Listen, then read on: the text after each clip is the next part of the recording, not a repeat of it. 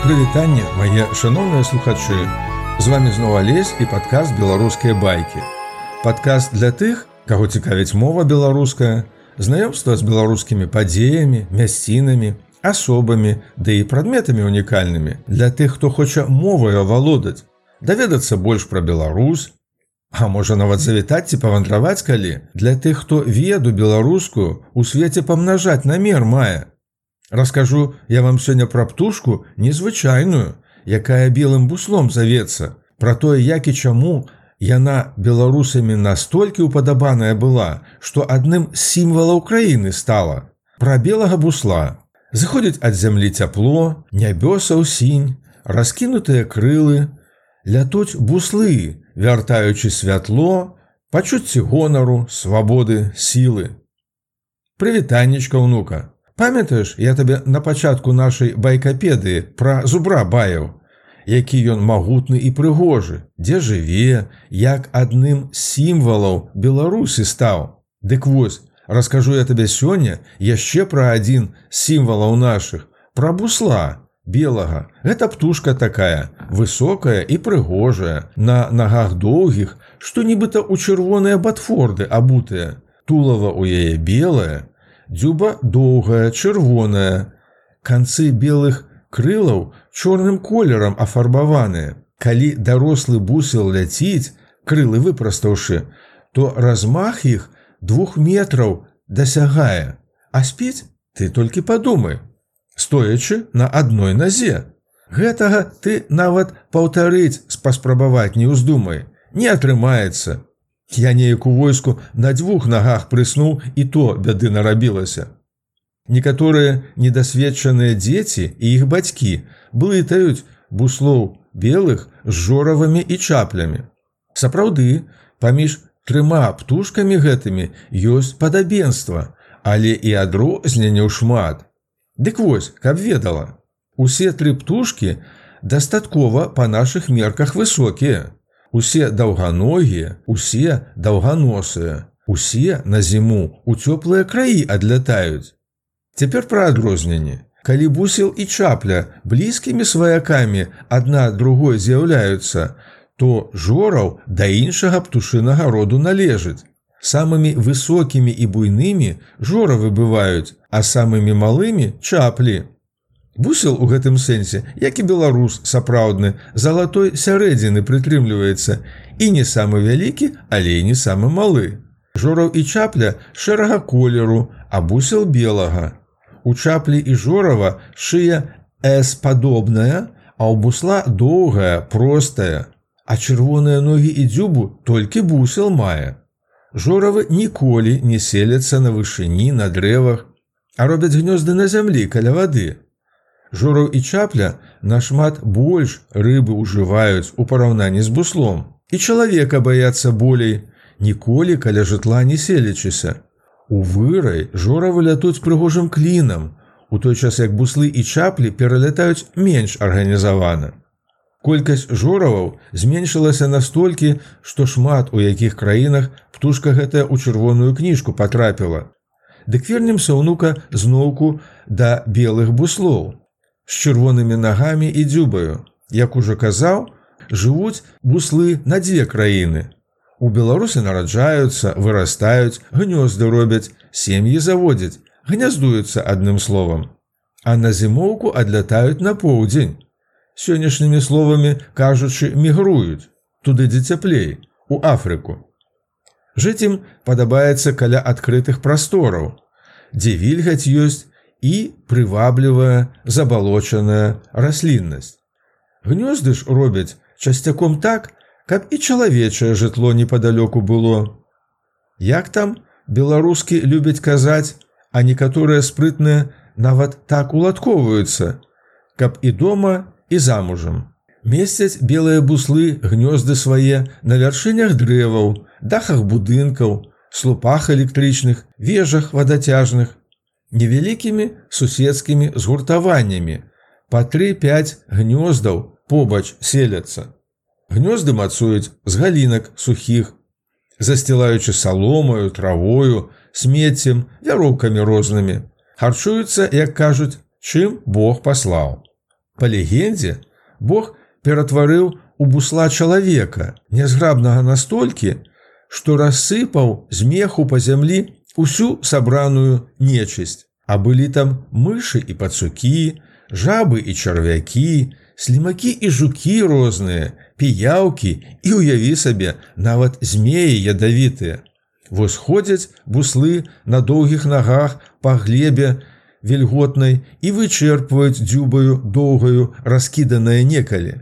Гэта добра, калі сябе толькі пракарміць трэба, а для трох-чатырох птушанят, што ў гняздзе падрастаюць, штодзень па тры кілаграма корму трэба ўпаляваць. Да яшчэ ў дзюбе вады ім у гняздо прынесці. Дзе ж ты тут прысядзеш ці прыляжаш? З'яўляюцца буслы на беларусі дзесьці ў сакавіку. Самцы, бацькі будучыя, прылятаюць з выраю на тыдзень раней, каб гняздо мінулагодня адшукаць, падраматаваць калі што ці новае скласці. Вядомы выпадак, калі болей за 380 гадоў гняздо тое самае гаспадароў прыймала. Цікава, што свабодны ад мінулагодніх абавязкаў самец бярэ ў жонкі першую самку, што прыляцела ў гняздо і застаецца і верным аж до конца сезону. Можа здарыцца так, што і мінулагодняя сяброўка на краі гнязда са спазненнем аб'явіцца, затрымаўшыся падчас пералёту ці то на егіпецкім фудкорце каля нілу, ці ў грэчаскім спасалоне пад афінамі, то давядзецца ёй у двубою ступаць за права ў гэтым гняздзе яйкі адкласці. Застаецца, як ты разумееш, мацнейшая. Так што, унука, старайся ўсё ў гэтым жыцці, рабіць у свой час да двубоя справу не даводзячы. Адкладзеную ў красавіку самкаю яйкі ад двух да пяці абодва бацькі высежваюць па чарзе прыкладна цягам месяца. Удзень на іх сядзіць бацька, абараняючы ад пагроз і небяспеку сялякіх уначы матуля. Птушаняты праз тры ці чатыры дні пасля з'яўлення могуць ужо стаяць у гняздзе. Тут іх і чакае жорсткая сістэма натуральна-прымусовай рэгуляцыі. Калі слабейшых і хворых бацькам даводзіцца выкідаць з гнязда. Праз паўтара месяца, прыкладна ў сярэдзіне ліпеня, маладыя бусляняты ўжо здольныя лётаць, а ў жніўні іх чакае першае развітанне з радзімаю. Сталасць у буслоў белых наступае ў тры-чатыры гады. Таму некалькі першых летаў сезонаў маладзёны могуць правесці за мяжою, досведу набіраючыся, да жыцця дарослага прыглядаючыся. Дарэчы, жывуць буслы блізу 25-30 гадоў. Сапраўдным выпрабаваннем для маладых буслоў першы доўгі пералёт, першая міграцыя з'яўляецца. Вось якія цікавыя факты я для сябе адкрыў унука. Усяго на Беларусі гняздуецца каля 20 тысяч пар, а ў Швейцары блізы 200. У Еўропе папуляцыя буслоў на дзве плыні, заходнюю і ўсходнюю дзеліцца. Натуральным падзелам рэчка Эльба з'яўляецца, што большую частку шляху свайго па Геррманіі цячэ. Тыя буслы, якія на захад ад Эльбы гняздуюцца, назовем іх вашымі, мігруюць на зімоўку ў заходнюю і цэнтральную Афрыку, праз Гішпанію і Гібралтар. А нашыя усходнееўрапейскія, то бок і беларускія, ва ўсходнюю і паўднёвую Афрыку лятуць, на цянькі, праз Балканы, Малую Азію і далей уздоўж ніла. Пакінуўшы Беларусь у сярэдзіне жніўня, буслы па 3-4 месяцы на зімоўку ляцяць з перапынкамі на адпачынак і харчавання. Да хаты вярнуцца ім праўда двух месяцаў хапае. Дык тое ж да хаты скажаш ты унука і будзеш мець рацыю. Лятучы толькі ў дзень ім даводзіцца пакрываць ад 200 до 500 кіметраў. Справядлівасці ж дзеля скажу табе ўнука то яшчэ занятак праляцець 10 тысяч кіметраў у адзін бок нават калі парыць большую частку шляху, па-сёрферску патрапляючы ў цёплыя потокі паветра, што ад зямлі наверх сыходзяць. Што і робяць буслы, пазбягаючы таму доўга ляцець над вадою. Дадаць варта, што міграцыйныя маршруты запраграмаваныя ў памяці іх генетычная. Моваю сённяшніх дэвайсаў кажучы у аперацыйную праграму прашытыя. Яшчэ ўнука, мушу увагу твою звярнуць на рэчы вельмі неспрыяльныя. якія буслоў белых і па дарозе і дома напаткаць могуць. Насельнікі некаторых краін, такіх як Іран, Сірыя, Кіпр, Італія, некаторых краін Афрыкі паляваць на буслоў прызвычаіліся. Дзеля спартовай забавы ці каб у ежу ўжываць.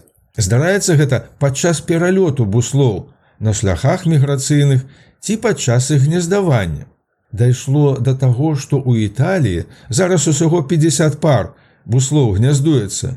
Ды і іншыя чалавечыя захады, скажем так, па засваенню навакольнага асяроддзя пагрозу буслам нясуць няспынна. Гэта і асушальная меліярацыя, узворванне лугоў, ужыванне угнаенняў у сельскагаспадарчых працах, акультурванне берагоў рэчак. Часта гінуць буслы, сутыкаючыся з лініямі электраперадач, а дадаць сюды змену традыцыйных дахаў на больш трывалыя, высечку старых дрэваў, ды і наўпроставае разбурэнне гнёздаў электрыкамі. Такія жыццёвыя выпрабаванні любога будуць у тонусе трымаць, а былі яшчэ войны незлічоныя. Вось як Уладзімир Высоцкі ва ўласнай пранізлівай песні буслы да кінафільма вайна под дахамі страшную праўду пра вайну здолею пераказаць да вобразу буслоў звярнуўшыся воздух звуки хранит разные, но теперь в нем кремит, лязгает, даже цокот копыт, то потом, если кто закричит. Шепотом, побрили все ответ на восток И над крышами нет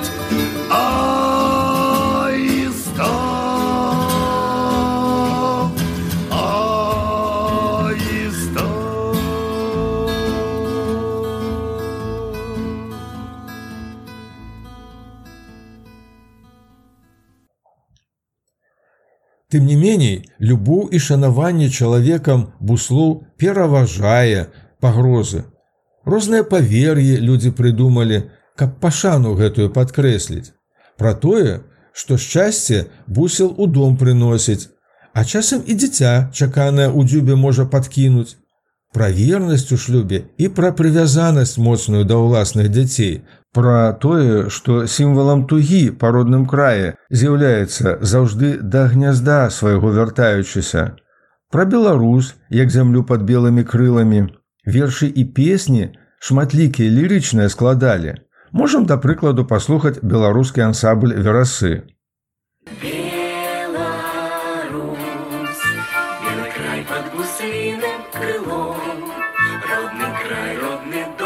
Гостиным столом, шаркой полной медовым вином.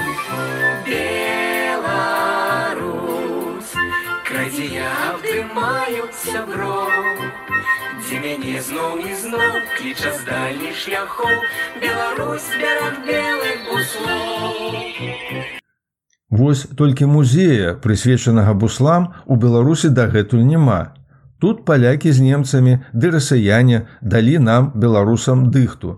Так што унука, калі бацькі цябе да нас з бабулю на цэлае лета выправяць, не ў музей цябе павяду, а ў жывым асяродку за жыццём бусліных сем'яў назіраць будзем з біноклем, фотоапаратам і алоўкам у руках.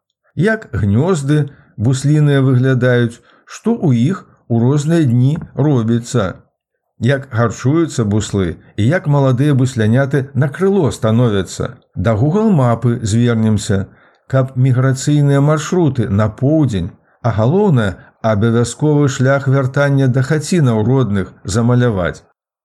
Дзякую вам, мае слухачы за ўвагу і падораны час. Зычу добрага настрою, плёну ва вучобе працы. Чакаю вас зноў на старонцы беларускія байкі.